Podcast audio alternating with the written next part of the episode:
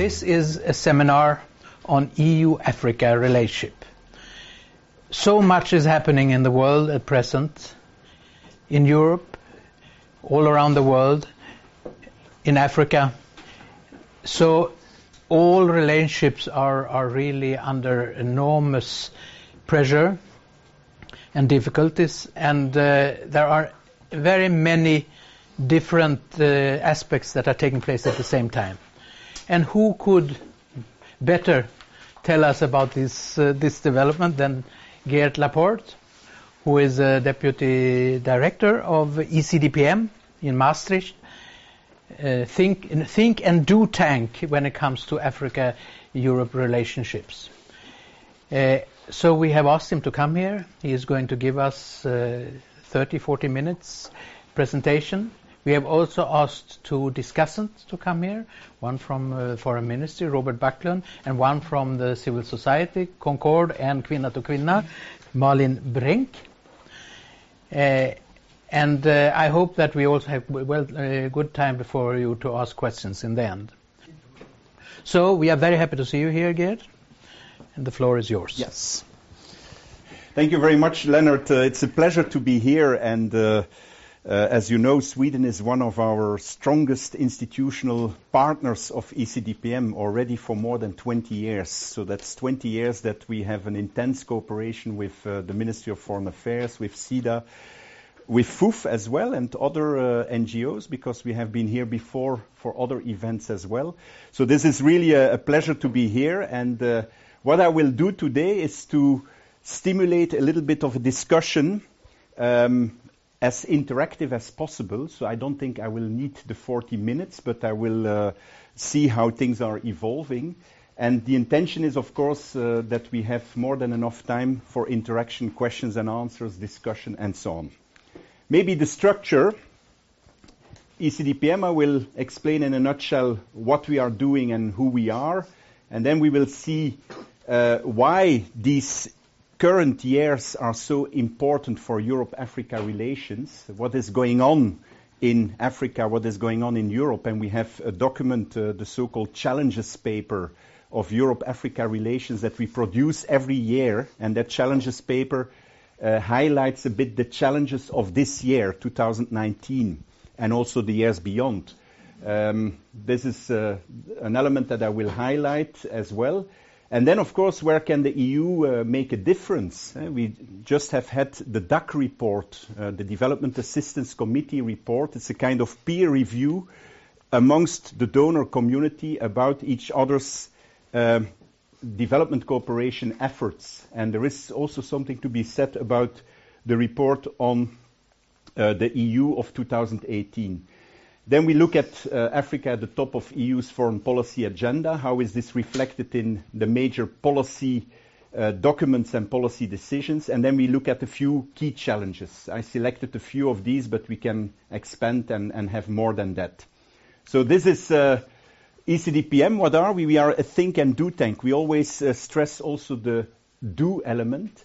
Why? Because we believe that it is very nice to do analysis, uh, uh, all types of sometimes academic work, but at the same time, you also need to be sure that this reflects what is going on in the field. You need to have a practical focus. You need to be able to support those policymakers who, at the end of the day, need to implement all these nice policies. And so what we do as ECDPM, we try to accompany the different parties in the implementation of some of these policies. So we work very closely with, for example, EU delegations, EU embassies in the field. We work very closely with regional economic communities, African Union, uh, key players who at the end of the day need to make the policy changes that everyone is advocating in the various policy documents.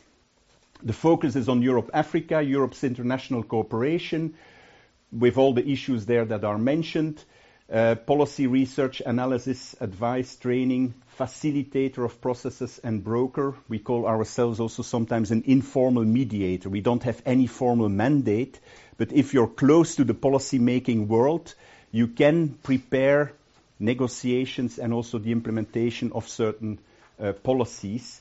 Uh, and this uh, sometimes gives us the name informal mediator.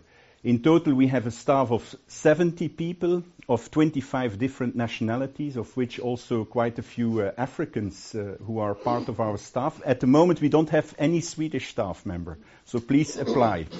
But we've had several Swedes uh, on our staff in the past, and we have, of course, always had Swedes in our board.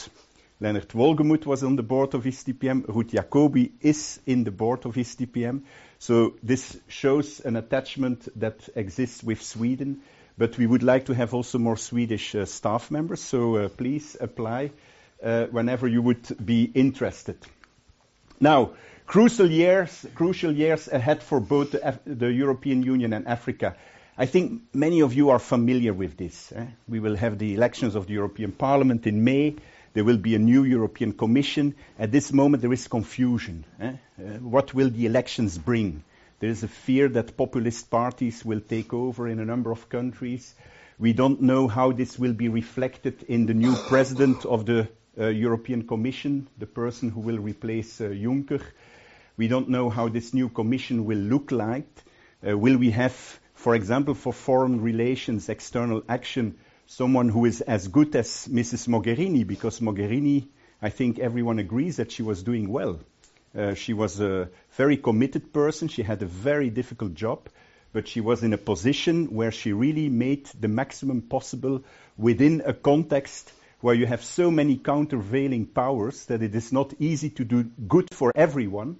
I think as a high representative, she really did a good job, definitely better than her predecessor.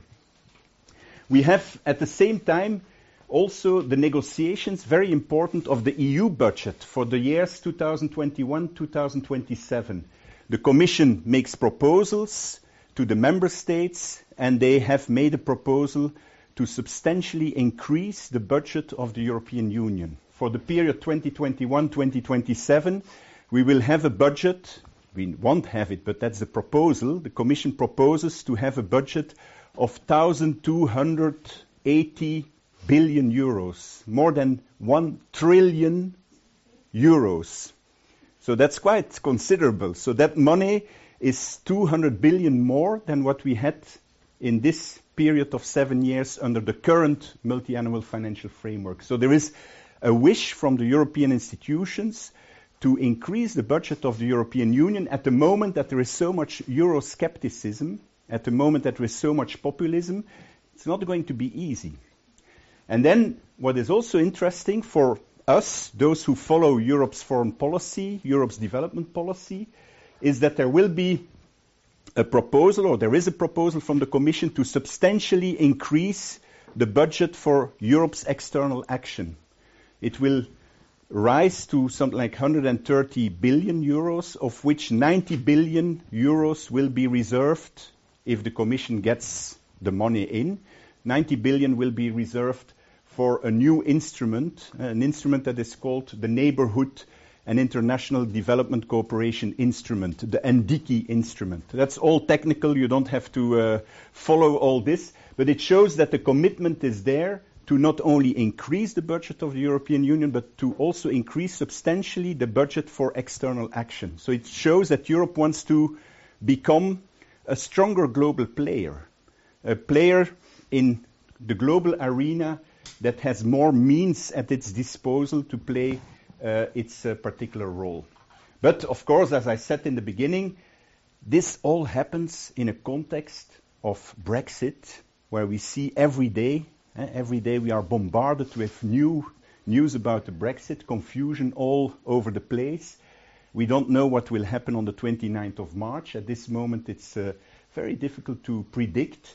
Uh, and of course, we also see the rising populism in many European member states. So this is not necessarily a favorable, favorable context to realize these type of ambitions. Now, let us look at Africa.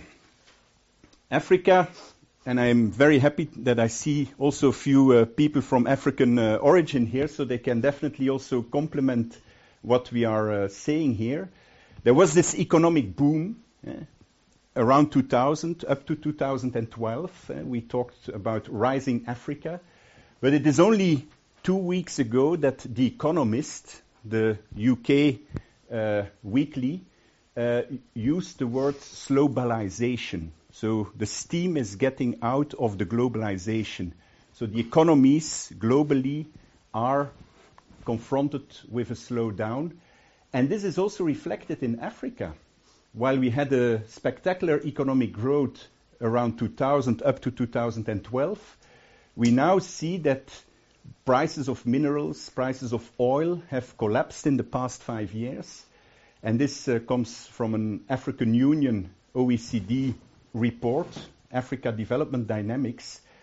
And the report this year is relatively critical. It says, look, uh, we are confronted in Africa with major issues related to demography, climate, inequality, governance. 42% of the working population in Africa, working population is earning less than $2 a day.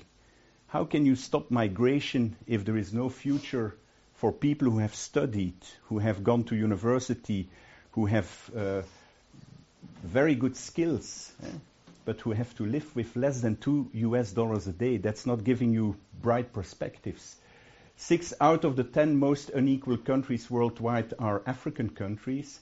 And so we are confronted there with quite some challenges. After the big optimism until five years ago, I think you hear still people who are very optimistic, but you also hear more and more people who are getting a bit worried. Particularly the demography is playing a big, big uh, role in all this. Uh, you know that the population of Africa is now about 1 billion. The prediction is that Africa will have 2 billion uh, inhabitants by 2050 and 4 billion by 2100, which would mean that a country like Nigeria would be the third most populous country in the world by the turn of the century. It would have 930 billion inhabitants at that moment, uh, million inhabitants, million, million. We were talking billions just a few minutes ago, now it's millions. But it's an enormous challenge, this demographic explosion. I feel sometimes that we are not talking enough about it uh, because uh, it leads to uh, uh certainly uh, a number of worrying trends and it has an impact on, on everything. And job creation, urban development, urban management, climate, uh, environmental issues uh, that will arise, inequalities, and so on and so on. And then you have this uh, report of Mo Ibrahim. I don't know whether you know Mo Ibrahim. Mo Ibrahim was a very famous Sudanese telecom operator, and he decided to spend his money in a foundation, a foundation that looks at African governance. And uh, normally his reports are quite positive. Sometimes he does not want to grant the prize to an African president, which he normally does every year. He gives the prize for the, the best governor, the, the person who has uh, led Africa best, and a few times he has skipped uh, that prize. But this year, he was particularly critical on uh, the governance issue in Africa. I just take two quotes. African governance is lagging behind demographic growth and youth expectations. African governments have failed to translate economic growth into improved sustainable economic opportunity for their citizens. That's very harsh language, and it's not coming from a patronizing European who says this. It's uh, an African who says this and it's uh, it's a bit uh, a worrying trend. I'm not saying that this is the reality for the whole of Africa. I think if there is one thing that we've learned, then it is definitely that we should never consider Africa as one. Uh, we sometimes uh, do this, and we talk about Africa as one continent. My African colleagues and friends will, of course, clearly say that this is uh, uh, totally wrong. we see a number of countries in Africa that are doing very well. But there's a number of countries, particularly in Central Africa, where you see uh, trends which are not always uh, very positive. Central Africa, maybe also the Sahel region, and so on. Now, what are the priority actions? I think I said it already. The demographic pressures, environmental degradation, structural transformations in the economy, stimulating intra-regional trade. I'm coming back to that, but there is something positive that is happening in that respect. Uh, we had uh, this year or last year the Africa uh, Continental Free Trade Area that has been uh, adopted. It still requires the ratification by uh, 22 African member states, and for the time being, this is not yet the case. But these are promising initiatives, but they will require uh, determined leadership and, and a lot of uh, improvements in the governance systems, both at the local, at the national, and at the regional levels. So there's quite some work to be done. Something which is systematically stressed by African governments is their wish to really transform the economy by investing more in manufacturing, creating value added, making use of new technologies, picking up on the fourth industrial revolution, which is already one revolution uh, further than the third one, which is mainly focusing on digitalization. Fourth industrial revolution is the the revolution of the robots, robotics, and all these things. It's true that Africa is very well advanced with the younger generations on many of these issues. Uh, you would be surprised, but if you would visit the newly opened museum uh, in Tervuren in Brussels, which is a big Africa museum, um, there is a robot in Kinshasa who is uh, arranging the traffic in Kinshasa. And this robot replaces uh, a person, and, and it's standing now also as an example in the museum, and everyone is watching at that. It's fantastic. It's an advanced technology that is developed by a Congolese in a context which was definitely not favorable and which was definitely not uh, so much uh, stimulated by his uh, government. But these things are happening. When I look at payment, uh, smartphones, Africans are making much more use of, of, of smartphones for any type of transfer of money. Um, if you go to countries like Uganda, uh, people are, are much better equipped in the, the use of smartphones than, than our younger generations are. I'm sometimes uh, surprised to see this. Um, of course, not everyone has a smartphone, but in the cities, the coverage is uh, improving a lot, and there is uh, definitely there a number of trends which are uh, very positive and uh, which Africa should probably build up or build on more in, in the future. Now, where can the EU make a difference in this whole context? Just a few words of the peer review of the DAC, the Development Assistance Committee, which is an organ of the Organization of Economic uh, Cooperation and, and, Development in Paris. And there, this report says that the EU demonstrates leadership in the global arena. It champions development effectiveness agendas.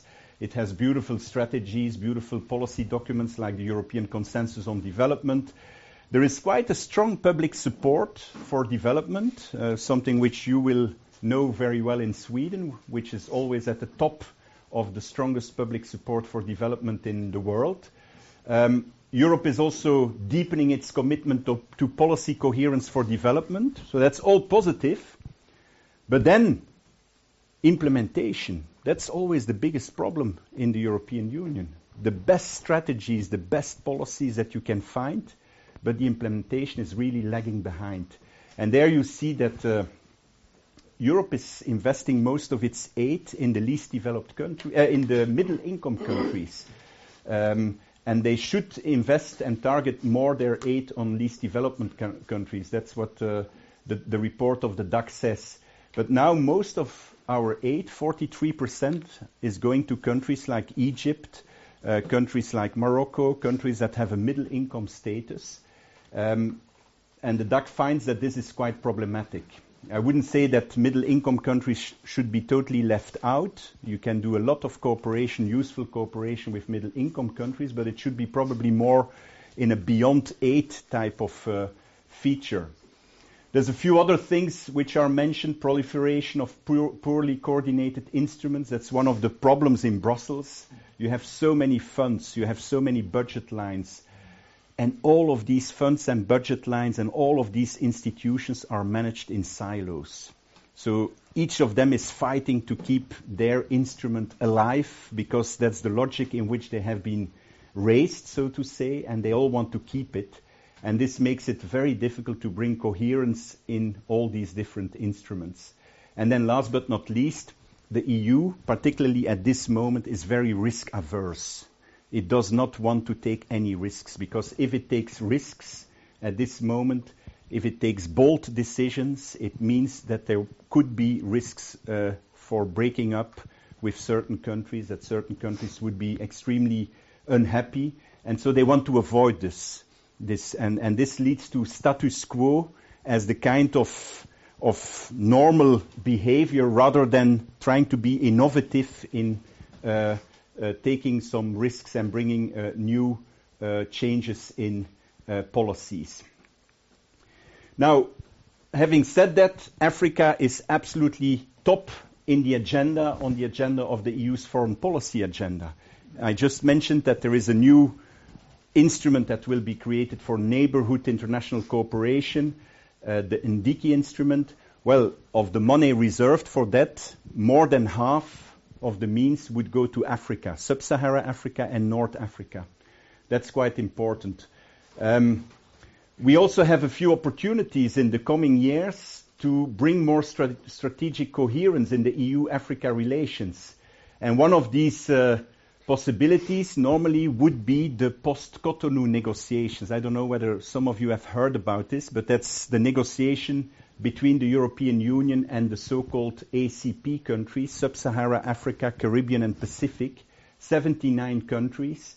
We have said as ECDPM after so many years, this is an old-fashioned agreement. This is a traditional North-South aid-driven agreement. It has no political traction. Let's change it. But it's very difficult to change because the vested interests are very strong. Those who are part of these systems, they want to keep it. And be it people who are ambassador in Brussels representing African countries, or be it the people in the European Development Administration, uh, or be it members of the European Parliament who are in joint parliamentary committees with the ACP parliamentarians, they all have an interest to keep this system alive. And that's really a pity because it is incoherent with Europe's other vision that Mogherini has put forward to have a stronger continental partnership from continent to continent, Africa to Europe.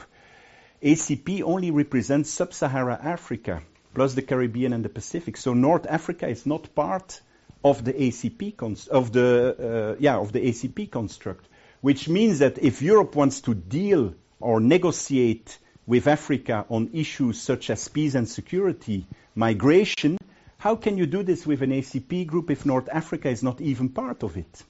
All conflicts in Africa are connected. North Africa, the Libya conflict has an impact on what is happening in the countries south of Libya. The migration issue, where Libya is uh, one of the transit countries, this is connected to Niger, this is connected to Mali, this is connected to the Sahel and even the Horn of Africa.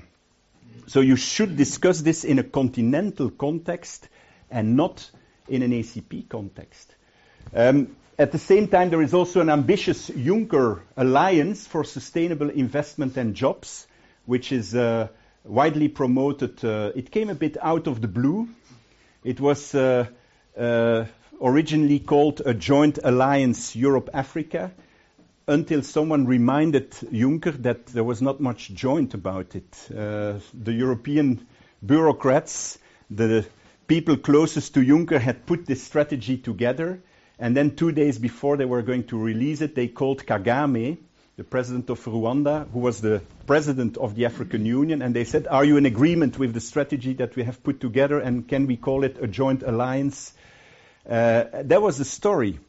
And it shows also the way how Europe deals with Africa on these issues. Africa might be sometimes a bit absent from the scene, uh, but it's true that it are always European institutions who take the initiatives for the post-Cotonou negotiations, for the joint Africa-Europe strategy. The word joint appears everywhere, but at the end of the day, it's unilaterally uh, proposed by one side, the Europeans, and the African side is quite absent. Although this is starting to change, but we would like to see more assertiveness also on the African side in the future.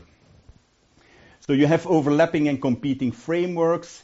The EU seems to prefer the ACP, which we call the accommodating negotiating partners, because the ACP is such a weak institution that they will accept anything Europe will propose. While the African Union is sometimes described as a loose cannon, you don't know what you will get. It's not always entirely structured internally. And this is one of the reasons why the European Union prefers to work with the ACP because they are based in Brussels and they can perfectly sit together and negotiate a new post-Cotonou agreement, even if this has limited relevance in political terms. They, they prefer this type of formula.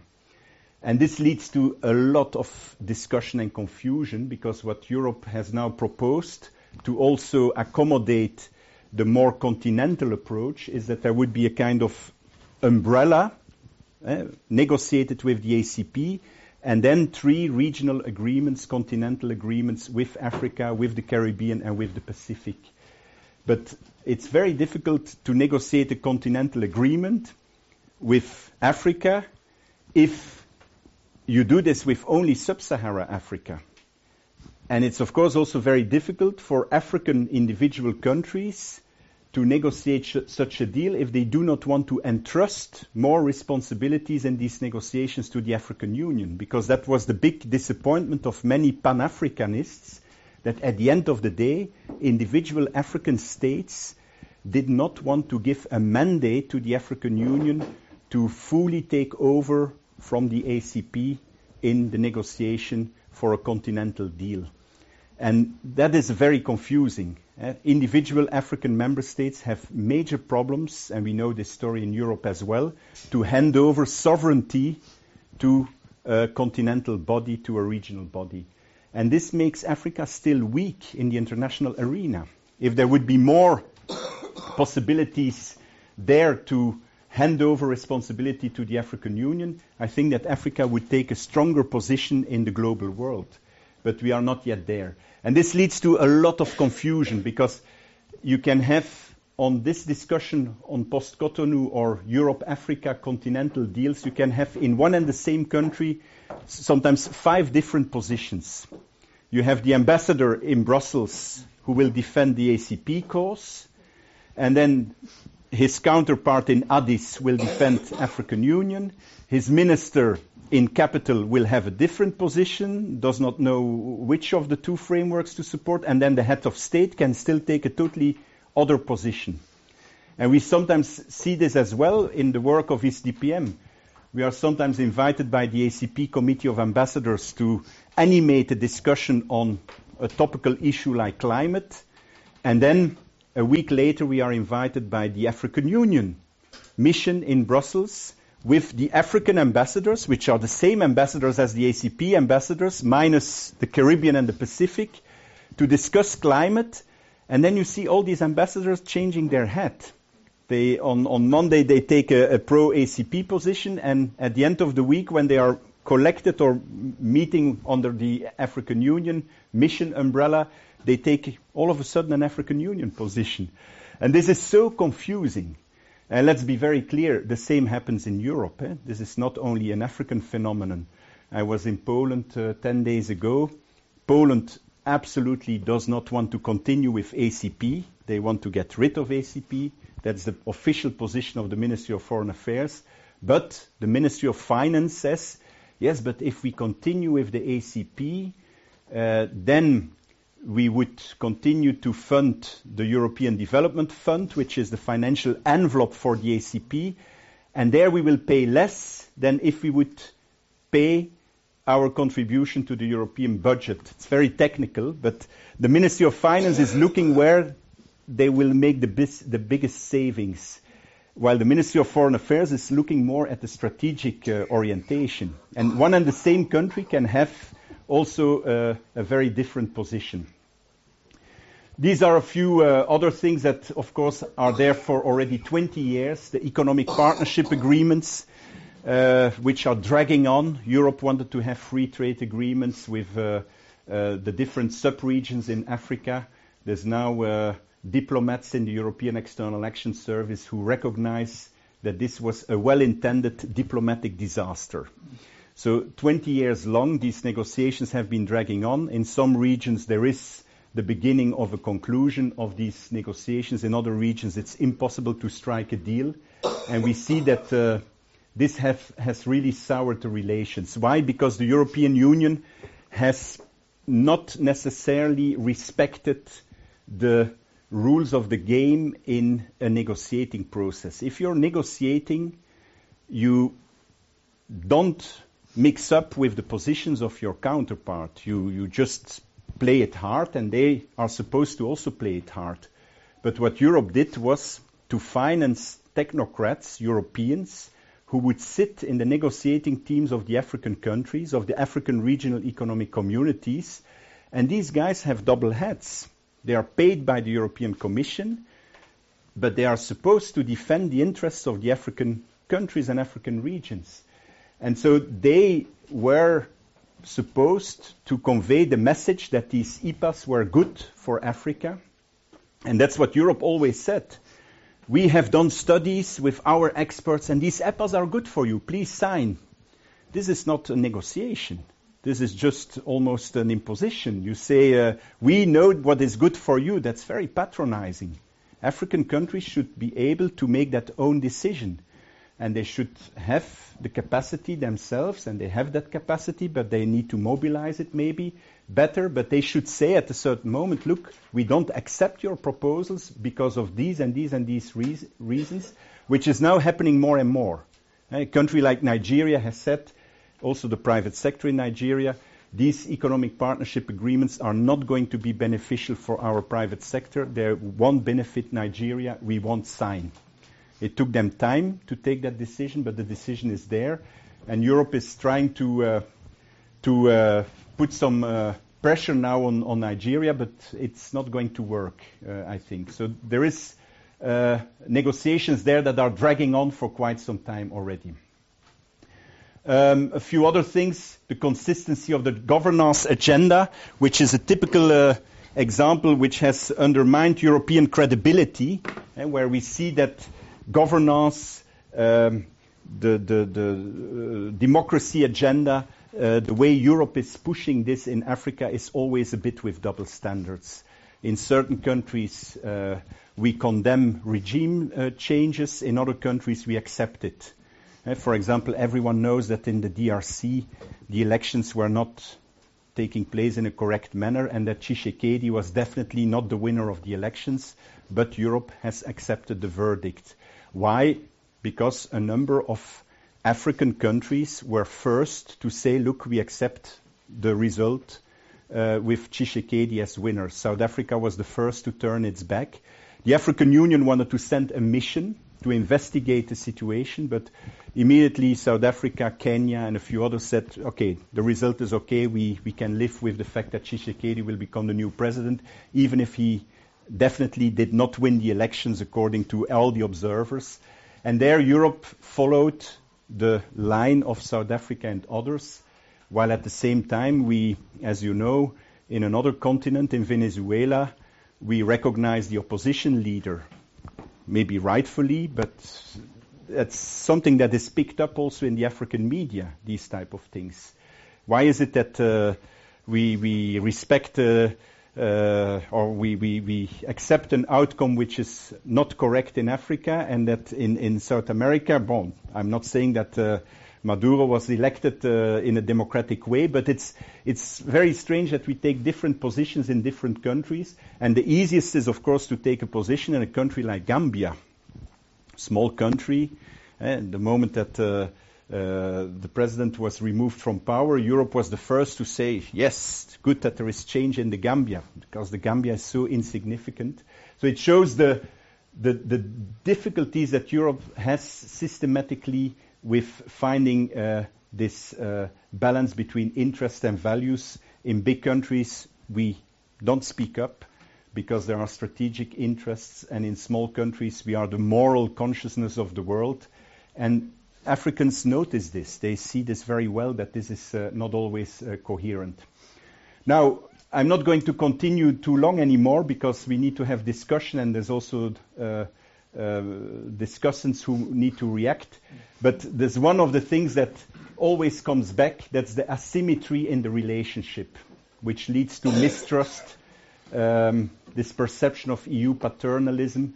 We've heard this so many times. The EU wants to have joint agreements, wants to talk about everything, but at the end of the day, they never make concessions on issues that really matter to Africa. And I think that's one of the frustrations that is growing. Uh, there was a ranking of countries uh, in terms of popularity in different African regions uh, recently, and uh, Germany was doing well. Uh, Germany was number one, and this has to do with the migration crisis. Germany was one, I think China was two, um, and then maybe the, the, the, the United States even, but France was very low because in West Africa they they have seen France in action in so many ways, and they don't believe that France is uh, serious when it uh, when it is dealing with that part of, of the world. And then, of course, you see that, and that's very positive, that there is a growing uh, assertiveness on the African side with the alternative options. Uh, but alternative options like China, that's nice, but it also has major implications. We can come back to that in the discussions. Uh, and at the same time, as I uh, said before, uh, it's all good to build alternative options and more assertiveness, but then you also need, at a certain moment, entrust more responsibilities to those institutions that can represent your interests in the global arena. And there, uh, there's still a lot to be said uh, whether this uh, is uh, effectively happening. The African Union has made a lot of progress this year, but there's still a long way to go. Um, key challenges, I will quickly go through these. The regional integration, trade and investment agenda. There we see that uh, um, there's uh, quite a few things that has been happening, eh? like the Africa uh, Continental Free Trade uh, Agreement. Uh, Europe is supporting this. Uh, the idea is that all the trade agreements that exist eh, would be merged into one continental free trade ag- agreement, and that Europe would have a kind of uh, continental or continent to continent, continent free trade agreement in the in the future this is still a long, long way to go. Eh? We are uh, just at the beginning, but the intention is there, and it is a, positive mood or move that there is uh, definitely this intention to do this. Financial architecture, this is quite interesting that this alliance of Juncker is in the next five years uh, going to try to create 10 million jobs. By the way, that's not enough. Eh? Africa needs 18 million jobs a year with the current pace of demography. But 10 million jobs is, of course, quite impressive. But Europe would also like to invest more in uh, vocational training, which was one of the missing links. There's many good academics from Africa, but there's more vocational training needed. And maybe interesting as well, 100,000 students will be benefiting from Erasmus Plus programs. I think it's a good uh, strategic mood, move to do this. Um, and then we have uh, the European External Investment Plan, uh, all these types of funds that need to uh, leverage uh, private sector investment. There's also talk of establishing a European Development Bank. So these are some of the important issues. Peace and security agenda. There we see that the African Union has been doing quite well. There is this Africa peace and security architecture that exists already for quite some time. And that has been quite effective. The regional economic communities and the African Union have been mediating in many of the conflicts in Africa. Uh, but what we see is that they are still very dependent on funding from Europe.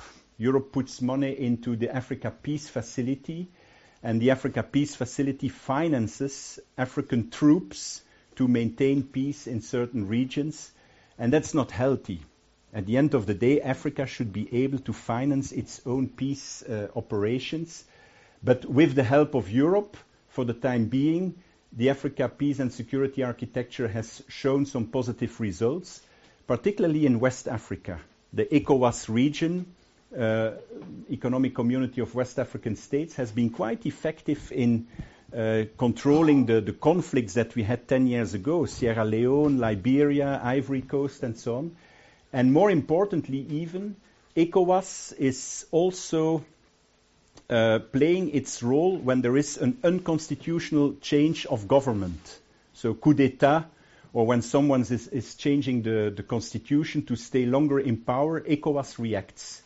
And that is the way it should be. It should not be Europe that reacts. That's, that's very patronizing. It should be Africa itself. And in the ECOWAS region, we see that this is happening more and more. So there is definitely something positive to be said about this. And then the European or the Africa Peace Facility, where Europe was putting 2.7 billion in the Africa Peace and Security Architecture. There's a proposal now by Mogherini to replace this by a European Peace Facility that would be five times as big as the Africa Peace Facility. But the European Peace Facility, we don't know all the implications, but it shows that Europe wants to play a stronger role also gradually in military terms because this Africa Peace Facility does not allow them to play that role. The Africa Peace Facility can only finance equipment and per diems of African soldiers. But this is a, a change that is on the table uh, in the next uh, weeks to come and months to come. Migration, you know the issues much more than anyone else. Eh? The short term, the long term, the polarization. You've gone through all these processes as well in, uh, in Sweden.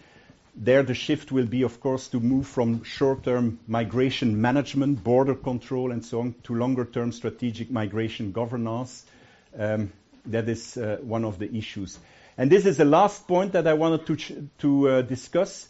This is also a very worrying trend because you see the enormous needs in Africa. You see the dynamism of young uh, generations who are well educated, who are using the most modern technologies, who are very keen to take part in the development of their societies. And then you see this closing space for civic action. This is globally. It's a global phenomenon. It is also existing in Europe, eh, Hungary, uh, Poland, uh, uh, but Africa is very red. And this is a very worrying trend. We see more and more control of social media we see countries like Uganda that are taxing the use of social media. So people who are making use of Facebook, who are making use of internet, who are using uh, Twitter, they, they are taxed. And this is, of course, a way of controlling your civil society. And this is happening uh, in many African countries. Happily, we see some very good examples where it is not happening, like Ghana. Ghana is uh, doing very well. South Africa traditionally also, but particularly in Central Africa and East Africa, you see a, an increasing uh, grip of the state on the civil society. You cannot be financed as NGO if you get funding from abroad. Uh, you have these type of problems. Um, features, uh, you see them, legal measures, uh, taxes on social media. These are the, the, the realities in many of these countries. Legal uh, licensing procedures for CSOs, for civil society organizations. Six out of seven humans live in countries with restricted freedoms. That's globally. Eh? And then you see that this is worsening and that authoritarian re- regimes are sometimes calling upon eh, the technologies of countries like China uh, China is very sophisticated in controlling its uh, civil society or its society. Face recognition, uh, all types of measures to control social media and so on. And this is a trend that we need to be aware of. Uh, and there I sometimes see that young people have big expectations from Europe. They say Europe should stress much more this governance agenda. It's lost. We are talking investment, we are talking jobs, that's all nice. But the governance agenda is essential as well to make these societies grow in an open way. Uh, and, and this is uh, this is absolutely important. So I end at the end. Eh, we always put sometimes value agendas against interest agendas, but I think in the longer term for Europe, the promotion of value agendas in a consistent manner that's one of the biggest weaknesses of the European uh, interventions. But a consistent application of value agendas is a longer term interest that Europe has in Africa because you will, at the end of the day, have to fight to win the struggle of minds again and to gain the support of African citizens and youth. And I think there is a struggle of minds going on in Africa. You have the Chinese model that attracts sympathy by some of the authoritarian leaders and also other Africans. But you definitely also have a model that attracts people in Africa that is more a kind of European model. Social inclusiveness, uh, participatory uh, development, these type of things. And this is the space that I think we as Europeans should uh, consistently continue to argue for, making sure that inclusive development, direct support to youth, women, private sector, civil society organizations continues. Sometimes by working in a more risky environment outside the central state. But this is where we need to be more creative because that's what younger African generations expect from Europe and where we are at this moment uh, uh, sometimes failing. I leave it here. Thank you very much, and uh, I hope that we have a good discussion.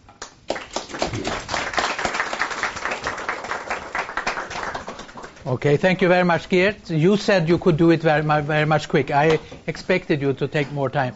Now, this will, will, make it impossible for me to ask many questions. I just want to say that in spite of this long presentation, there are some issues you have not even touched. No. And I would have asked if you uh, would have more time. Perhaps Rob, uh, Robert can come back to, to the, one of them at least. One is, of course, the joint Africa-European uh, strategy, which is another in addition to Cotonou and to the invest, Juncker investment program, is another program which Europe is very much and Africa is engaged in. Another question which you didn't really touch on is what Brexit actually means for for uh, Europe Africa, particularly when it comes to the trade agreements. I mean, EPAs cannot be valid anymore because uh, Britain is not part of it anymore. So I'm not quite sure what what, what, conclusion you can draw from. I mean, there are many aspects, of course, of when Britain uh, gets out of, of many of these agreements that Europe and Africa has mm. created over over many years. And a third issue which I would have wanted you to talk about uh, is uh, this process of the Cotonou discussion, because you really didn't get at all anecdotes. Because here, what you touched but didn't really uh, perhaps give all de- uh, so much details on is that this has been developed very differently by many, as you mm. said, by many leaders. And I know that Kagame actually brought up in AU uh, that uh, uh, he he went against the whole uh, idea of, of, of, APC. Yeah. Yeah. And he was sort of uh, uh, heading the, the, the, he was the chairman of, of, of uh, the AU that year. So so I mean, uh, there has been enormous uh, conflicts also in Africa in how to to to deal with this issue. Yeah. Not, not not only in Europe. I mean, yeah. Yeah. and and I guess your engagement at ECPM DPM, uh, you didn't even expect. That you expected a lot of a lot of opposition from Europe, but not from Africa in that mm -hmm. way. Yeah, but true. this you can't talk about that and now because yeah. now we have to ask the discussant. I will bring it up later on. Yeah, yeah it might uh, that the discussant will also bring up some of this. So please come up, both of you, and uh, you agreed that Robert should start. Yes. And you should have a, a microphone. Remember to keep it quite close. Yeah, yeah. Thank, thank you very much to, to, to Geert for this excellent presentation. I think uh, ECDPM is really a think tank that lives up to its name, thinks a lot. Uh, and as you started off with, there are uh, certainly a, a, large number of, of uh, processes that's going on simultaneously. You mentioned the post-Cotonou, the MFF, the mm. EU Africa, and, and all that. And, and uh, we can uh, right now we're in the middle of a negotiation. So, so uh, even though some trends may be possible to detect, we're far from knowing where it can end at. Mm. I think, but seeing some of the challenges that that you have mentioned, not least the the uh, challenges for the values ag- agenda and, and uh, not least the freedom of expression, which you, you, you, you mm. brought up. uh, it, it, can, I think, it can be said that these uh, negotiations and these agreements uh, also is, is, a way of, of, confirming or committing, renew mm. one's commitment to these values that, that you see uh, are, are, are, challenged in, in, in, some places. And uh, some of these areas or sub areas in human rights and democracy may be difficult to, to, to, to discuss with, with, with uh, with uh, individual uh, African countries, but but may be accepted mm. when they come into uh, as a chunk of, of, a bigger framework, so to speak. So that that is at least mm. a positive hope we have, mm. right? Um, of course, the balance between um, least developed countries and, and, and mix. Uh, uh, as all of you know, that Sweden has been very poverty-oriented so mm. far in in in in, um, in their interaction with the EU, but also we, we, we recognize that that in the middle-income countries there are enormous groups of, of, of very poor people too. So we will probably want some kind of framework that can address different types of countries and different kinds of relations with, with, with countries.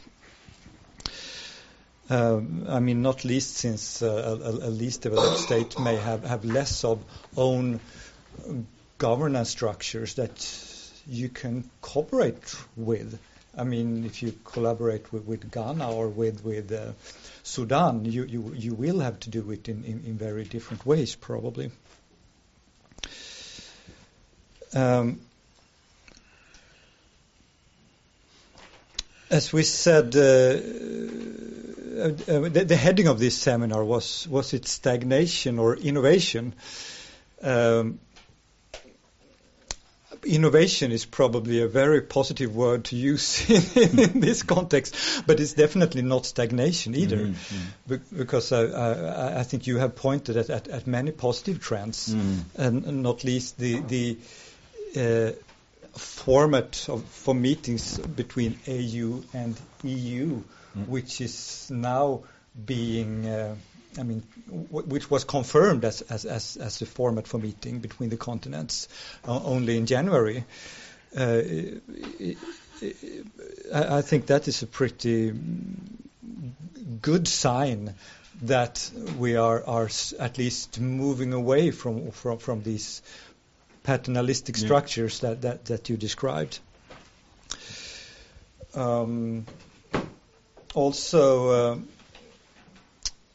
you mentioned that the EU has had some difficulties with the joint partnership in, in, in some of, of its uh, mm. ideas they have presented. Now, lately, the, the uh, uh, alliance for, for, for, jobs and investments, for instance.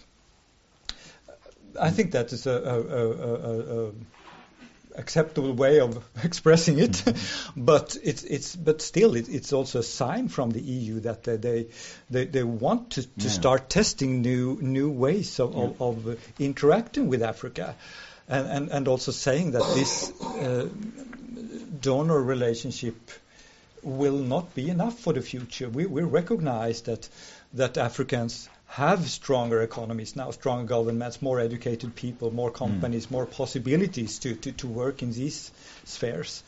And, and, and it's, no one knows where it ends, of course, but uh, it's, uh, it's a hand that is stretched out fr- fr- from the EU. You can look at it that mm. way. Then uh, we will all um, contribute to, to uh, making these frameworks as, as, as mm smart as possible. Um, because to me, it it it was uh, a change in in Europe African uh, relationships that came with with the uh, with the migra- so-called migration crisis in, in 2015, where Africa w- was pushed up from almost nowhere on the on high on the, the agenda. And uh, I think all, all, all people who were involved or, or had insight in this, this meeting in, in Abidjan that took place uh, one and a half years ago uh, said that, yeah, it could have been done better. It could have been done better from the EU side, probably also from the AU side. And, and, and the migration uh, narrative was kind of distorting all ways to build positive relations. And, but, but since then, uh, it's also fair to say that that the EU has, has really made an effort to to, to step up uh, the relation with Africa. So, so now it's much more o- o- on, a positive note. I think it's more accepted now that migration comes with, with, with positive connotations, and, and migrations is is not a bad thing per se, but but it's but it has has many yeah it comes with, with many positive things. It, it will it will always be there. So the narrative has changed in, in, in, in the last one and a half year, and and probably it's it's both the EU and, and, and the African side that have have noted that. Uh, we, we, we, that they have to to uh, to find ways of collaborating on it on a positive note. Uh, also, I, I should mention, should I talk too long? No, no. A couple of minutes, two.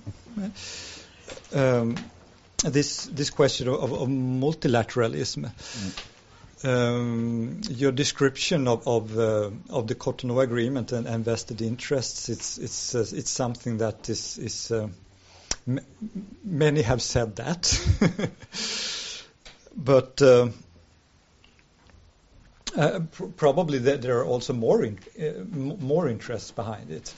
Uh, looking at at uh, what was it three or four years ago when, when the Agenda 2030 was negotiated, when the Paris Agreement was was negotiated, that was a, a, a, in a climate that was quite conducive to to negotiate that kind of agreements. Obviously, it was at least possible now uh, th- there, uh, certain things have, have, changed and, and, and it would possibly be more difficult to, to start negotiating that kind of global deals. And at least uh, many colleagues at the Commission and the EIS, they have, they, you know, that they lift this this perspective as, as with a collaboration with Africa, with a collaboration with ACP states, that gives us a platform to launch new global agreements in in the future, or, or or implement the ones that we have agreed. And knowing that that the challenges for multilateralism ha- have have uh, have also increased. So, I think that was m- some of the more important things. Um, so, we, we're going to continue Mm-hmm. pushing Yeah. towards uh, make letting Africa be an actor and, and not in the hands of Europe. But also, it, it's it's it's not possible to patronize Africa now the way it was when the current Cotonou Agreement wa- was elaborated 20 years ago. Because many of the states they have more offers from other other uh, from China, India, etc. Mm. They have stronger governments and, and and they don't let themselves be pushed around in the same way. So hopefully mm. something good will come out from that, and I'm sure it will. Okay, thank you very much. Mm-hmm. Okay, can you have the floor? Yes. Thank you. Um, so my name is Malin Brink. I work for Kvinna to Kvinna. For those of you who don't know us, we are a civil society organization that supports uh, women's rights organizations now in 22 conflict-affected countries around the world. And I'm going to be the more provocative one here, I think. Um, I see that as part of my role being civil society as well. Um, I want to go back to also the title of the of the seminar, speaking about stagnation or innovation. And I would say what we're afraid of as civil society actors are that the EU is being a bit more evasive. So I want to throw in another word in here. I'm thinking evasive related to some of the key um, difficult questions in these um, EU-Africa negotiations. Um, we've spoken about some of them here, but I will go in a little bit more in, in detail to those. Um, and I'm thinking specifically now that we should take the chance that we do have this post-Cotonou negotiations ongoing and having uh, a chance to look at what's in the mandate for those negotiations now and what we would like to see coming out of, of the post-Cotonou. So I'm thinking questions related to civil society role and space, and you already touched upon that, Geert. Uh, I'm thinking about the accountability aspect of the agreement that we will have and about migration and human rights, which we've also touched upon, but I'll talk about a little bit from another perspective, I think. And if time allows, I want to also say something about um, gender equality mainstreaming or gender mainstreaming into documents. But starting with uh, with shrinking space of civil society, as you mentioned, and I love that you put up the CIVICUS map there because I think that's very uh, telling that we do have this shrinking space for civil society across the globe. It's nothing unique for Africa. We see it everywhere. We even see it in, in Europe, and I think that was mentioned also in the seminar invitation. Uh, and it's very much true for many countries in Africa, as you said. And what we need, I think, is very strong language on civil society in this uh, post uh, Cotonou agreement. Um, we need to have language both defining civil society. We need to have language uh, about accountability mechanisms should the parts of the of the agreement fail. Um, and what we see in the mandate so far is not as strong of a language I would like to see. In fact, it's weaker than what's in the, the Cotonou agreement when it comes to the ACP's uh, mandate, it actually just speaks about non-state actors. It doesn't even uh, define civil society. AU is doing a little bit better. There is some text on on um, civil society, but um, it's very much speaking about civil society as a unified group, and that was also a challenge in uh, in the Cotonou Agreement you know civil society is extremely diverse, and we also know that the shrinking space that we see across the globe affects those different groups or entities in civil society differently. And I'm talking then about people fighting for LGBTQIA rights. I'm talking about people fighting for um, people with disabilities or women's rights organizations that are facing now additional challenges in the shrinking space. And for those who are specifically interested in that, Kvinna till Kvinna last year made a publication called Suffocating the Movement. I brought a few with me, and it can be downloaded from our website.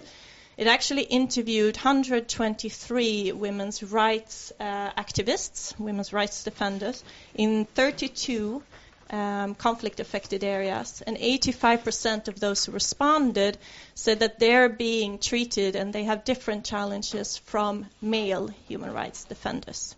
As in, they're also being targeted for just speaking out, for just challenging the patriarchal uh, society.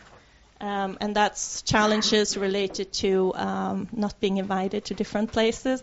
It's challenges related to sexual harassment, sexual violence um, actually both threats and actually being targeted of it.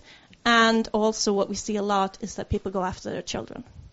It's, there's nothing more effective than going after a mother's child.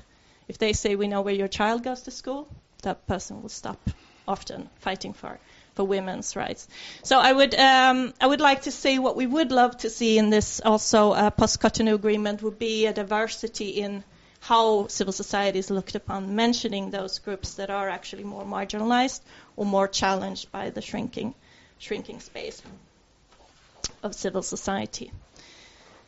Um, and bringing on then to accountability, which I briefly mentioned, and here I think um, we did have an article in the in the Cotonou Agreement I think it's Article 96 for those of you who are interested, where it says, actually, now I will quote, that it's one, if one part does not fulfill their obligations of human rights, democratic principles, the rule of law, then there should be a measure taken in accordance with international law. And that's pretty good, I would say, paragraph. Now we know what happened in Abidjan, and you've spoken about it before, where civil society actors were to speak, and were actually in last minute not allowed to, because some state delegations didn't want to hear them anymore. So we need some kind of tools for accountability here. We need tools built into the actual agreement um, that enables civil society to take the space that it actually should be able to take. We need a mechanism for accountability when it's not granted to prevent censorship of civil society actors, and especially, for example, then at international summits. And then I think we also need something around how civil society can bring forward cases of breaches of human rights obligations when parties, and then I mean the two uh, members of the agreement, don't uphold their obligations. Uh, especially then related to civil society. Couple more minutes. Good, thank you. um, then I will say something about migration as well. And it was up here, we talked about it, that in recent years the discussion about migration has been taking different directions. The agreement with Turkey and the arrangement with the Libyan coast guards have been highly debated. Um, and what we think as Kvinna till Kvinna is that EU actions and funds should not work negatively affecting the most vulnerable people, but seek to improve democracy and accountability. And here comes that good governance screen that you talked about earlier. I'm not that much younger, but I still come with a good governance uh, point. Uh, if the EU uh, has the ambition to decrease the amount of people seeking refuge, then we need to talk about long-term solutions to implement. Uh, people are now crossing the Mediterranean Sea um, because of uh, human rights violation and of uh, unsecure uh, societies, not only, but partly. And the European Union needs to take this opportunity to negotiate an agreement that push for change that then concern the causes of migration and not the migration itself. We need to be able to separate those two. What is causing the migration? How do we work with that without stopping the migration at the border? Finally, then, uh, when it comes to mainstreaming of gender equality, um, I think it's excellent that we often uh, get at least that mentioned in an agreement that one should mainstream. But what we very seldom see is actually the mainstreaming of gender in the agreement, if you understand the difference. So you will have a paragraph that says we should mainstream gender or gender equality into uh, all documents. But then we see a paragraph on trade, we see a paragraph on climate, we see a paragraph on job creation, where there says nothing about how it affects men and women differently. And I think that is how we mainstream gender into every paragraph in the document. And that's what we need to do also when negotiating uh, new agreements. So we need a deeper analysis of what gender inequality implicates and present tangible solutions to how it can be improved. Not just ticking the box of having a paragraph calling for gender mainstreaming, but actually gender mainstreaming, the agreement in itself and all other agreements. I think I will stop there. Thank you very much. Applaud. before we uh, let uh, people free of asking questions, uh, I will give you a chance to reply rather quickly. But I want to add one question, which I really thought of when, when you presented. Can you tell us uh, how is it possible or how does it work now? I mean, we had the negotiation, Cotonou, uh, 10 years ago. And 20 years ago. Is it 20 years ago? so far. And uh, they came, as, as uh, we heard, I mean, they came quite far in, in certain issues. Mm. That was a time when, when, mm. Uh, uh, when uh, human rights issues were high on the agenda and mm. so on.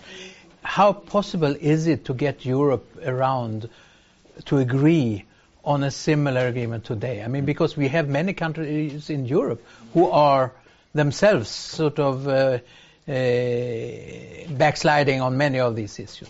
So how, when we are now coming into actual in, uh, agree, uh, negotiations, how far can Europe actually come in these issues? Yeah. Well, let me start with that because what you did, Malin, was very interesting. I think it's a good analysis of the negotiations. But we have at ECDPM given up to look at language. Language in conventions it's quite important, but it's not the essence of the essence. You need to look at practice. How is the language translated in the concrete practice? And that's what we did with Cotonou, because Cotonou, nobody disagrees, is an exemplary uh, agreement in terms of participation, in terms of uh, all types of uh, democratic principles, articles like the article that you mentioned in, in the case of breach of uh, or violations of uh, human rights, rule of law. We have it all. We have it all. But in practice, it does not work. And why does it not work? It does not work because Europe is overestimating its power in a world that has fundamentally changed. So if you now go to a country like Burundi, that is one of the top five poorest countries in the world, and you tell to Nkurunziza uh, what you did, unconstitutional uh, sticking to power and all these things, the guy says, I don't give a damn. Shut up. I go to China. I go to anyone else. So we have this belief still in Europe that we can put articles up in conventions and that the other part will abide. You need to be serious to have these articles uh, uh, respected, and this is not happening. So why is Cotonou having the most beautiful language on civil society and why is it not working? Essentially because it is a state-to-state type of cooperation with a very strong role of the national authorizing officers who control in undemocratic countries the whole society and who are not willing to share the resources of the Cotonou Agreement with civil society because civil society is opposition. It's a threat for their existence, for their survival. So this is for me essential that we always look at how is this working in practice. And the language is important up to a certain level, but the practice is much more important. And we can give evidence of that. We did political economy analysis in depth, and we can point to all the weaknesses in practice. And this is not an agreement that brings change, and the new negotiation for the new agreement will be much of the same. It will not fundamentally change. There was big ambitions five years ago to fundamentally change, and now we see that on everything, we see that we are making backward moves and that we will end up with something similar to the Cotonou Agreement that was concluded in 2000 in a totally different world context, as if nothing has changed in this world. This brings me to your remark, multilateralism. I think the European Union looks for allies. That's true because we are more and more isolated and we look for allies. But it is a false belief that 79 countries, as diverse as the Bahamas or Barbados, countries that are richer than many of our European member states, and in the same group, countries like Burkina Faso, Somalia, Niger, that you can have strong common interests in the global arena. That's not possible. The agendas are too diverse. Yes, you can have strong common interest amongst the island states of the Caribbean, the island states of the Pacific, the island states of the Indian Ocean. They're all island states and they suffer from climate change. These are interesting alliances. And the untold story on Paris, and we also digged into that, into the details, the untold story in Paris is that the ACP had no role whatsoever in the negotiations. The only thing they did was endorse at the very final moment under the pressure of the European Commission and the European side, please sign quickly, otherwise you will be uh, perceived to be irrelevant. But the negotiations were led by the small island development states. It were these states that had a strong common interest that said, look, we will back Europe on the climate agenda. And what we see more and more is that the traction in striking global deals is no longer with the big frameworks, even not the African Union, that's too big, but it is with small groups of countries that in a natural way are looking for common interests. Nile Basin initiatives, initiatives in Central and uh, uh, West Africa against Boko Haram. These countries are grouping their efforts all of a sudden because they have a common interest.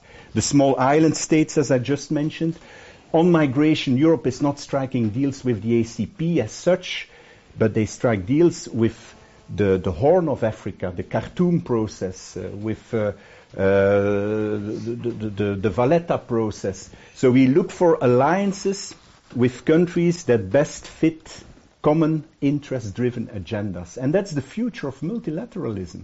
Not 79 countries that are so diverse. Um, I think. Uh, well, I stop here. Sorry. Uh, yeah, I could go on. And uh, the people have to talk. You know. Bre- Brexit. no, no, no. but, but, I know, I know, I know. Brexit, perhaps. Yeah, on Brexit, on Brexit, uh, I think you're right that that uh, uh, the the deals that have already been concluded, they they are at risk but there's still a number of uh, uh, EPAs that need to be uh, finalized. Uh, so there's still a long process to go. But those where, where there is uh, at this moment uh, a common understanding that they would like to go with the Brexit, where Britain was sitting at the same table, there needs to be a kind of revision of these things. the other aspect of Brexit, which is also quite interesting to see, and we also see this in the life of ECDPM to some extent, the Brits are confronted with a huge problem in terms of spending. They are one of these countries that also committed to the 0.7, and Europe was the best way of channeling aid resources. But how will they do this now if they are leaving the European Union? So they are now asking for studies to see where they can still be supportive of European channels of funding, including the European Development Fund, uh, so as to get rid of their aid money without, in a number of cases, not having any say on the decision making of these resources. But there is an enormous pressure to, to spend because there is a, a, an obligation, legal obligation, to spend 0.7. Okay, many issues on the table. You come, you come back here. But let, us start with uh, let the questions free. Yeah, okay. Uh, Anders Oljelund, can you? Anders, sträck ut din arm. Uh, Visa vem du är. And, uh, hello, do you hear me? Anders Oljelund is my name. I have a very general question. Since you say that most countries, EU countries, are not willing to change uh, the Cotonou Agreement, but to keep it as it is, and those who are willing are not able, my question is, will this mean that the whole Cotonou Agreement or its follow follower will be of less and less importance and of minor importance in the future and taken over by other kinds of relations from EU or maybe more bilateral relations or, or multilateral relations of various kinds, and that ACP will lose its importance. And I remember when I started to look into Cotonou, I read a report from, from your organization saying that they, you had asked African member countries about Cotonou. And most of the government officials said that they were not aware of that at all. Of course, a few people were because they received the money from, from the funds and etc. etc.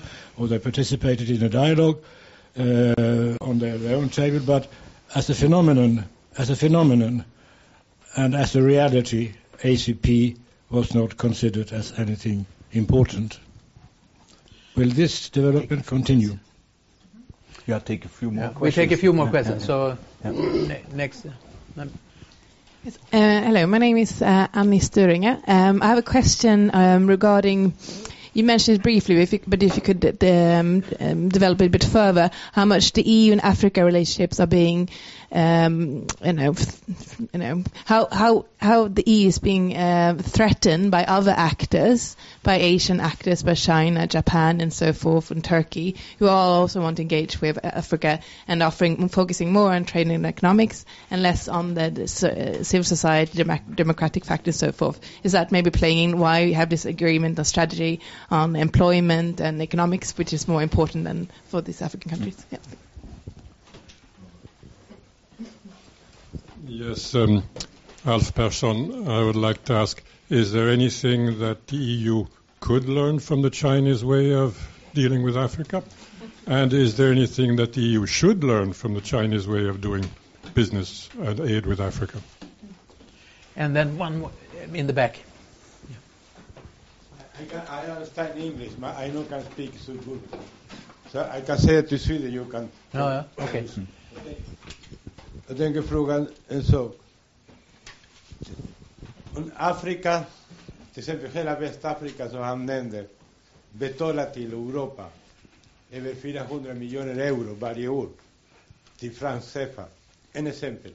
Mm. Det är det som gäller ekonomi. Kanske de här länderna skulle inte betala de där pengarna till, till Frankrike. Mm. För att använda sjöfart och för att betala skulderna för att de blivit befriade från kolonialismen. Mm. Kanske de skulle inte behöva någon annan hjälp. Om de skulle få utvecklas på sin egen takt. Mm. Den andra, emigration, det, är, som händer nu i Medelhavet. Det är en grej som Europa har orsakat genom att bomba sönder Libyen. Mm. Det, den andra frågan. De mänskliga rättigheterna gäller också bara för afrikaner när de ska ställas inför rätta i till exempel i Haag. Eller skulle också gälla, börja gälla för europeiska företagen som trampar på alla mänskliga rättigheterna i Kongo till exempel. Mm. Så Okej. exempel, det var grejerna som jag, så jag tänker, jag är sydamerikan.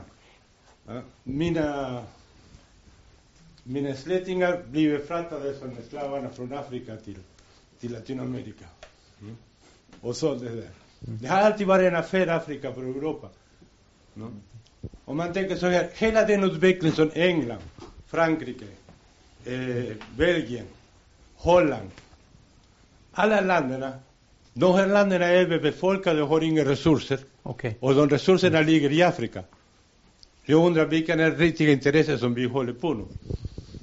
Okay, he, I'm not giving wo- every word, but he's, he's, he's giving examples of what you said of, of uh, inconsistencies in European From behavior. I heard. Yeah, the, one is uh, the, that uh, uh, the whole system of, of CFA, uh, franc, if, if that would, uh, if these monies would have been, uh, could be have been used in, in West Africa, they wouldn't have needed any more support. And also, uh, uh, yeah, I mean, a number of examples of, Yeah. of, of Companies in the DRC, yeah. Yeah. mineral. Yeah, yeah, yeah, yeah, absolutely. Mm. You want to add to that? Yeah. Okay, then Eh, jag har också en fråga och det är egentligen två frågor jag har. Och den första frågan det gäller Ghana. Eh, jag är ursprungligen från Togo som är grannländer till eh, Ghana. Och då, eh, I can also take in English. Yeah, I have a bachelor in uh, international and health uh, relationships, so I can take in English. But the thing is, like, I have uh, two questions. The one question is like Ghana, for example. Uh, as we say that Ghana is open, you can call your family's member. And actually, when I was studying university, we have a lot of students uh, came from Ghana uh, to take the masters, and and many of my friends they are like, oh, they are good looking. We wish we we wonder if they will stay in Sweden. And I we start to talk, and I asked them, when you guys finish, are you going to stay in Sweden or you going to go back? They say, why we stay in Sweden? We go back in uh, Ghana. We will have job. What to stay here to clean assets, work in the in the in the health secure? Hell no. And this and I am from like a neighboring country where Ghana. My father he was uh, my father was a, a, a, a professor before university. He told me that Ghana used to come to Togo uh, and and learn stuff like uh, about how the society is working, and also like Togo before we used to have like uh, Europe, Europe used to have uh, a meeting or where the uh, about agriculture. But now I feel like uh, Ghana is going, but the neighboring country they are not like following. And why is that? Because when we like uh, Sweden and we have Norwegian and we have Finland, sometimes they cooperate, they see each other, they compete. But when it comes to Africa, like for example Ghana, like it's moving forward, and I'm from Togo, and we just like you can, it's so close. Why are our leaders now like try to do better, uh, like copy each other and see the development? And the other, uh, the my the other uh, question I have is that uh, I had I am so, so, so, so frustrated because we have a lot of young people in, in Africa who want to do better, who are uh, ready to follow the, the development in Africa. But I, the thing I'm thinking is like the migration, because many people they don't want to stay in Sweden. They just want to come here, study, go back. But to get that, it's very hard to get that. And for me, who live in Sweden, I can travel everywhere I want. And the thing, the mentality that I think Europe have is that they think everybody want to stay in Europe, that Europe is paradise. But Europe is not paradise. And many people will see that if we have open border, that people, young generation from Togo, from different countries in Africa, can come here, study, and then they can go back. But by closing borders, this make people think that the only way to have a better future is come to Europe, and this is wrong. So I was like, what what the Europeans are doing, so they can. See, I don't know how to uh, get this que- uh, question clear. What Europe is doing for the youth, because they say that we don't want immigration, but how in the long term, whole board, we can do in the long term to make people stay where they want to stay because many people don't want to come to Europe, and Europe is not paradise. Mm. So how can we work that the youth between youths, like people like me, I'm educated, I want to help my country, and I love my country, but I love Sweden also. How can we cheer? Okay, I think we have got the question. Thank you very much. Okay, Ruth, some, uh, the last question now. Thank you. I just want to, since I believe, Geert, that you're going to try and answer Anders Oljelund, I just want to add add on a question on, mm. on Cotonou. I agree with everything you have said, and I think many of us here are quite aware of that Cotonou, as well as its predecessor, Lomé, are somehow passé. They do not fit into the world political structure as it is today. But I know that E ECDPM has been working hard on mm-hmm. post Cotonou and has produced a lot of papers on that. I wonder what your own personal hmm. Expectation is on where we will end on that uh, when the negotiations have started and terminated. And then there's just one thing I want to say who pe- to people who maybe don't go back 30 years in this history of ACP, and that is that be careful, whatever you do, not to throw out the baby with the bathwater, because what was so novel about the first, whatever it was, Yaoundé, I think. Yaoundé, Lomé, yeah. No, Lomé was after Yeah, Yaoundé. yeah. Lomé. Yeah. Well, whatever it was, the one that was first was that it was a contractual agreement between uh, the EU and the ACP countries. It was not benevolence. It was not open paternalism. It was contractual agreement between at least pretending to be equal partners. And they, of course, they never were equal, but it was contractually binding, and that Yeah. was a novelty at the time. And whatever replaces Lo- Yaoundé and Lomé and Cotonou, and it should be replaced because it's passé, but we should make sure that we don't lose some of those very essential characteristics of the original partnership, which was quite unique at the time. But Yeah. then, but that added, added is then the question: Is it possible in the to, in present Europe, even to agree on an uh, agreement that was agreed upon 20, 30, 40 years ago? Well, probably not, but let's at least be aware of that Yeah. it, it was Okay, Geert. Can I, can I start with that one because it's a very interesting one. The contract, eh, it, it's it's such it's having such a symbolic value, but again you need to look at the practice.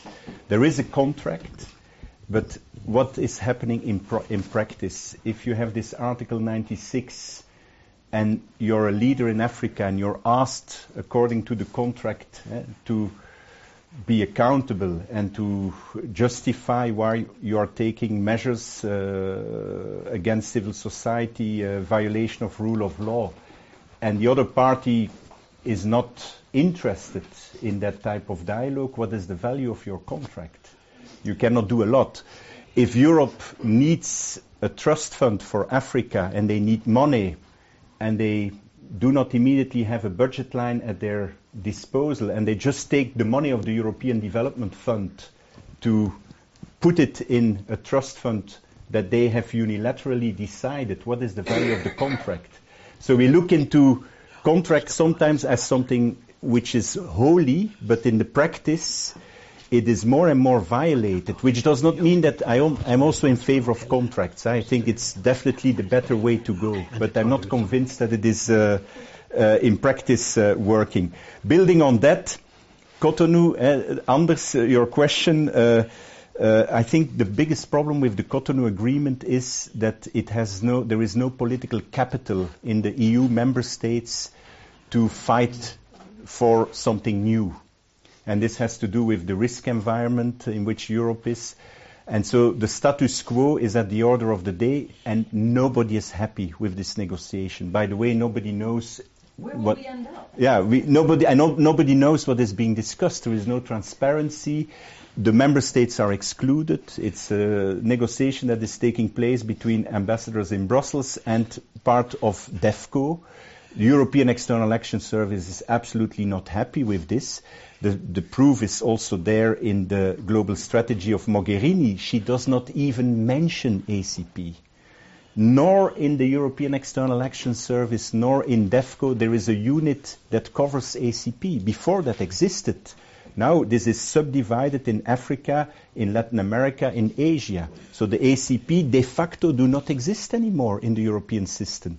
Yet we still negotiate a deal of which everyone says it has no sense. So in my view, it will just die. We will have an agreement that will have no traction whatsoever, and it will please a number of people that are part of that system. And as was also said uh, already, aid is not important anymore, or far less important than it used to be in the past. But if you have 30 billion, it can be very important for quite a few individuals who are benefiting of that system. And what the French call eh, uh, clientelisme institutionnel, institutional clientelism, is relatively close to this whole ACP EU business, which exists already 45 years, eh? 44 years. So this is a, an issue where, where we are very, uh, very skeptical about the outcome of these negotiations. We don't believe that this will have traction. The traction is elsewhere, and that's what we see happening every day. EU China, I think you need another meeting on this yeah. because we can go on on yeah. this. But I think essentially there is a kind of fight uh, for the mind minds of, of Africans. Uh, there's two models, uh, and, and, and I think we, we need to be very clear as Europe. Um, if we want to make a difference, we should be much more clear about the value added that some of the Africans would probably also expect from Europe.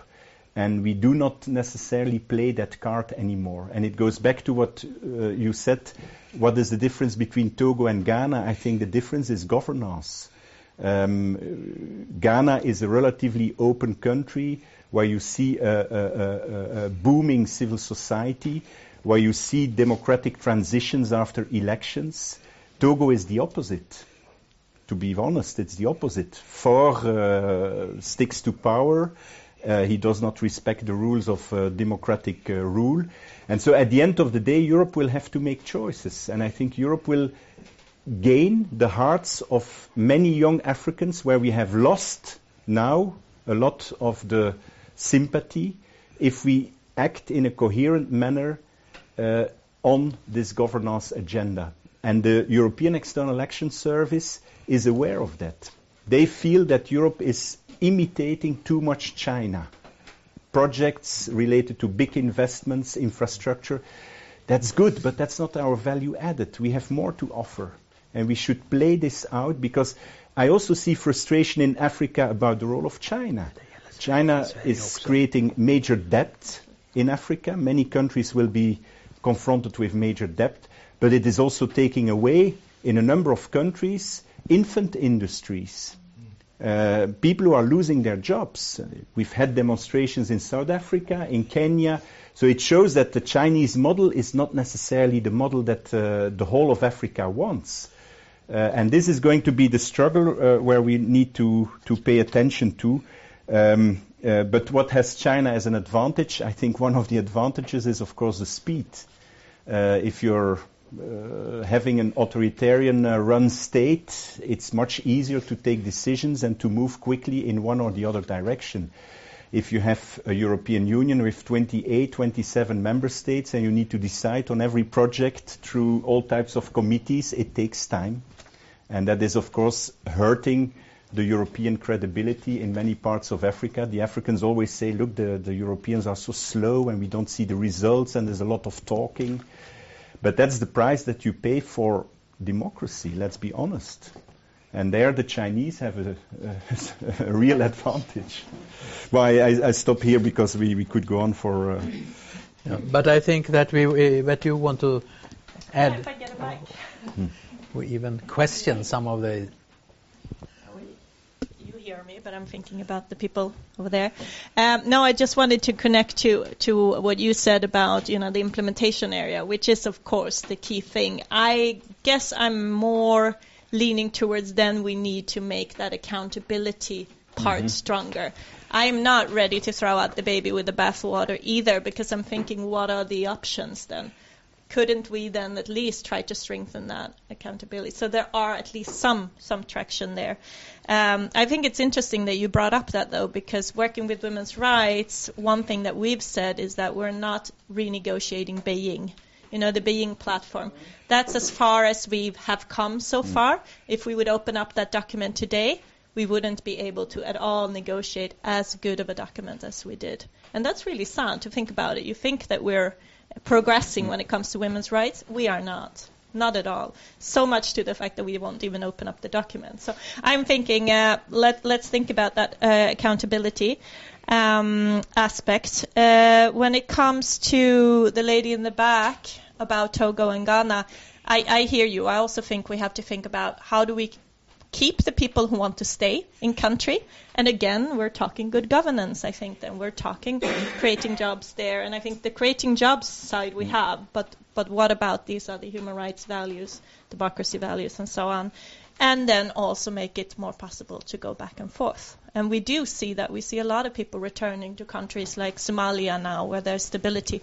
A lot of people don't want to stay here. They want to go back. They want to help their country to, to rise up from, from a very difficult situation. So I think making that more flexible and more possible to do, I think would gain both speaking about EU and Africa relations. Um, I think I will stop there. Robert, will do. In the meantime, while you're thinking, I want to underline what what uh, Ruth said here before, and I, one has to be very careful not to throw out the baby with the bathwater. Here we have, I mean, the agree, the negotiated agreement from the past, where you have taken note of a number of very important value issues, is not is something that you shouldn't take very easily. I mean, this uh, is extremely important. It, it's something in itself that we have an agreement, even if it's not. Uh, I mean, I'm a little afraid when you talk practice is more important than, than of course, practice is mm. what really happens when it comes, but it's still important that we show that we are respecting uh, certain values. If practice feeds the renegotiation process, then I'm fully uh, in agreement. But there we see that, as you rightfully say, that in fact the new agreement will be probably less open to the concerns that you have. And so it means that the practice is not picked up by the negotiating parties. We will see, eh? but uh, that's my biggest worry. Robert. No, only only three short comments. If the ACP uh, cooperation will vanish, uh, I mean, obviously, I think what what what, what you described previously was that it may not only be the, the global multilateralism that, but but but more of a multipolar lateralism mm. that, that mm. will mm. will be the future way of working. And of course, if, if the ACP cannot uh, respond to these new needs, it can occur that that, that it, it, it vanishes. I mean, the, perhaps not the agreement as such, but the significance of it. I think that is part of this a possible scenario that, that we have. mm. uh, another uh, just comment about the, the, the, the Ghana Togo discussion is uh, uh what we see in, in, in, in, in Europe and what is, is affecting the negotiation about uh, the post-Cotonou is, is not only what migration does and not does. It, it's, it's, it's, it's, it's a kind of a fight of the narrative of, of, of what it does and not does. So, so we have to, to kind of live, always lift up these positive examples. I, I think it's precisely as you say it. Uh, that, that's, I, I recognize that. And, and uh, that is the spirit we need to put into the, the way we collaborate uh, globally and, we, and with these countries. To see migration also as an asset, as something natural that, that always will occur and that benefit many people. Okay, now he, he left. Did he go then? Yeah. Because we didn't answer his question. Uh, but uh, we, we take one more round with, with question. Is that okay? Okej. Okay. okay. Ja, då kan du säga det sen. Ja, då kan... Nej, nej, nej, fortsätt, fortsätt. Vi tar det sen. Hey, uh, Roshan Rydell. I'm from an organization called Palme Center in Sweden. Um, I, I realized that I might not have been uh, following pace of these discussions in general in the last couple of years because I was hoping to get a very brief summarization of the status of uh, two major themes in the relationship between EU and Africa, at least from the past decade uh, or the last decade, which was about the um, the agricultural subsidies in in Europe, uh, and uh, and also the, the, the where we stand on the, the public debt situation of uh, the least developed countries uh, vis-à-vis Europe. these two themes that were very discussed last decade at least, and I might not have followed pace as I mentioned. Uh, if you can just briefly, briefly summarize where we stand on those two issues today. Okay. Uh, yeah. Åsa. Uh, yes. Um, hello, I'm Åsa Thomasson. I work for Concord Sweden, uh, which is a platform of development organizations. Um, I uh, won't ask a question about the migration agenda of the EU because then I would probably go on forever and ever. And I think that Robert said it very well that it's it would be a wonderful thing if uh, the migration agenda could start from what it actually is and does, rather than as the EU's um, agenda does at the moment from some sort of made-up version of what migration uh, is and does. Um, but I actually wanted to ask more about um, uh, economy a little bit. Uh, and and what strategies there are in these discussions going forward, because you, Geert, mentioned that uh, um, that the the African Union and the the African countries are very much um, concerned with sort of coming up with more ways to work in, in manufacturing and and build that sector. At the same time, when I look at the draft um, negotiation directives from the EU side, uh, what's being slipped in there is a lot of reference to, to natural resources and agriculture. So in my mind, I start asking myself, okay, we have one very powerful party to these negotiations, which is super interested in natural resources uh, apparently, and writes about the untapped resources of Africa. And then, you know, there doesn't seem to be as many strategies for developing natural resources and, and uh, agriculture in a sustainable way from the African side. I might have missed it, but that's my question. Is it is it there? Because if not, it seems like an awkward focus. And also manufacturing as a way to create growth, uh, just speaking of gender equality, also seems to me to have its own inherent um, risks into it? Are, are we only creating low-paying jobs for, for girls, basically, then, or what are we? What do we want to create here? Um, so, so what are some other sustainable strategies for the economic part? That's my question. Okay, I let Malin ask, uh, answer first because then Yes, I will just briefly respond to the gentleman that spoke Swedish, since I understand Swedish as well.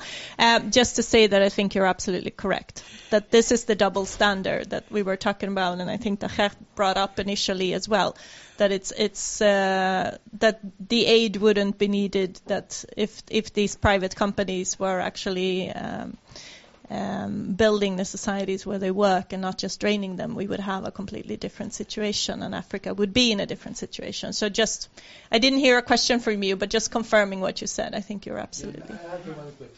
I just, take one. No? I am one criminal. No, I want to kill people, everyone. No, and you come in Interpol or call me, mm? or take me to detention in every country in the world. But this company. Mm? run down the war, mm, go pay the mercenary people for this industry in Europe. but this is not, never, never talking at this got human rights. Mm. You know, and you say Samsung, you say the Edison, you say every, mm. everyone. I completely agree. Don't, don't, don't, not, never uh, talk, don't say, right, they must take it in the court to the Mugabe. Mm. One thing we have seen is some civil society networks coming together to try to make a change. I'm thinking Lundin Oil is one of the the proof of that. You know what Lundin Oil did or did not in in Sudan, and the discussions around that, and that's civil society following up, trying to to make a difference. But you're right, there isn't mm-hmm. anything else at this moment. Okay, now uh, get your final uh, con- conclusion, but yep. but I s- still want uh, to come back to one question. Uh, particularly when we now bring up the migration and the economic issues and so on. I mean, there there has been an effort of collaboration, the joint Africa-Europe strategy, and, and, and the meetings that have taken place. You haven't mentioned it. Why uh, is no, it so I, in, in the, in, in unimportant or? Well, it, it's uh, let's say it's it's. yeah, I have. I think in terms of uh, uh, political strategy, it's quite important, but the means are not put in the joint Africa-Europe strategy, which gives it relatively little traction. And that is one of the contradictions. The means, financial means, are with the ACP EU, which has no real significance as we just discussed. So there is a need now to combine these two worlds, and that is in fact the intention of the current ongoing negotiations, that there would be regional pillars uh, including Europe, Africa, and the JAS, under an ACP umbrella. But there, people in the African Union say, we want to negotiate continental deals with Europe, no problem, uh, but we don't want to do this under an ACP umbrella.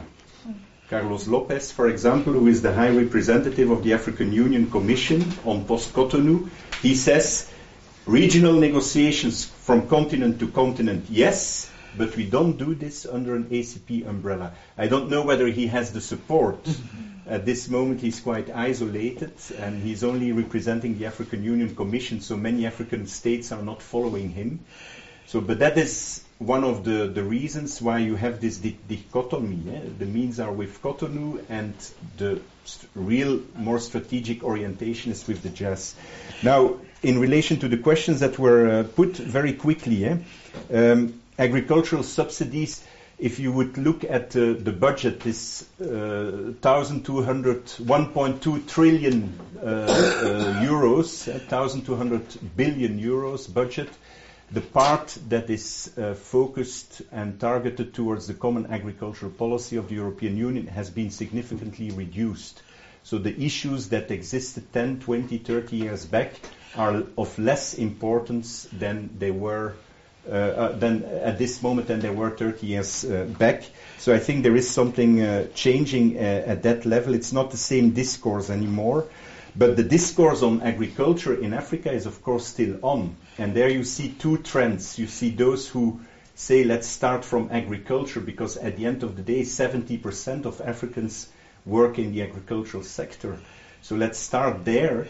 But you also have a, a trend of people, uh, including uh, Jakkie Cilliers, who is the, the director of the Institute of Strategic uh, Studies in uh, Pretoria and who also heads an African Futures program. He recently launched a paper in which he says we have to go for manufacturing because it's only by creating value added that we will create jobs and that we will become competitive in the world. And agriculture, yes, you can manufacture also things related to the agricultural sector. If you can make that link, that's fine. But agriculture as such is not the future of Africa. That's what he says. Others say exactly the opposite. What I notice is that African governments do not invest enough in agriculture. If 70% of your labor force is working in that sector and you invest less than 10% of your budgets, which is the reality in most African countries, then there is a problem, then there is an issue. Uh, on the debt, I think the biggest problem is with the least developed countries. The group of least developed countries are more and more isolated from the rest of Africa. It's not a problem for countries like Kenya and Nigeria. In the end of the day, there is a big problem of inequalities in these societies. But these countries are, to some extent, picking up uh, with their economies. But the, the least developed countries hardly get any investment um, less than 7% of investment is going to these countries, but at the same time, they are uh, spoiled by China uh, with major investment programs from China, on which they will have to pay. Uh, yeah, they will have to reimburse the money. And there is now more and more talk about the enormous debt burden that will be coming up in the next decades when we will realize how much China uh, will will have invested in Africa and how much they need to, to get their money back at some stage. Eh? The, the the construction of ports, infrastructure. At the end of the day, these are loans. Eh? These are not. Uh, uh, that's not money that is just given. Eh? Someone has to pay it back. Eh? At the end. a good example, obviously in Asia, where the actual port is now being handled by the Chinese. For voilà, years. voilà. In Sri Lanka, Colombo. Yeah, yeah, yeah. It's it's. roads being built in Liberia. Yeah. And then I, I'm very much afraid for the LDCs because the LDCs they, they fall out of the yeah everyone. Uh, that's it. I think that's uh, yeah. Okay, thank you very much. This was uh, highly illuminating, uh, and you can see. I mean, he didn't touch, as you could see. Some we picked up even some problem questions and which are there are immense questions, and I think to go back to where you started, economic downturn in many African countries will will bring up a number of questions which we even have re- haven't referred to today. So I mean, we uh, we can foresee that we can meet very soon and talk more about this Africa-European relationship. But I think, thank you very much. As I said, no one could have done it better than you. No. Thank you. thank you very much. Thank you.